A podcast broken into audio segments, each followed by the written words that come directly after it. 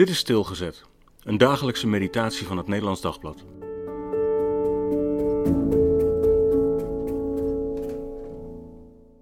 Wraak. 2 Samuel 3 vers 27 Toen Abner in Hebron terugkwam, nam Joab hem in het poortgebouw terzijde, alsof hij hem onder vier ogen wilde spreken, en stak hem in de buik. Zo stierf Abner omdat hij Joabs broer Azael had gedood. Met wat voor smoes heeft Joab Abner teruggelokt naar Hebron? Een bericht over oprukkende Filistijnen of zo? Abner trapte met ogen open in. Hij heeft ook geen argwaan als Joab hem in de stadspoort even terzijde wenkt. Abner mag dan bot zijn, hij zou nooit iets stiekem doen. En dus verwacht hij dat ook niet van Joab. Maar Joab verwijt hem nog altijd de dood van Azael. Al heb je Azael nog zo gewaarschuwd, je hebt hem wel eerloos laten sterven.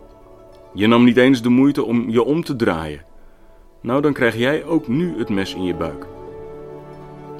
Met deze bloederige dood neemt Joab persoonlijk wraak. En dus gaat het hem bij al zijn trouw toch ineens niet meer om de koning of om zijn volk.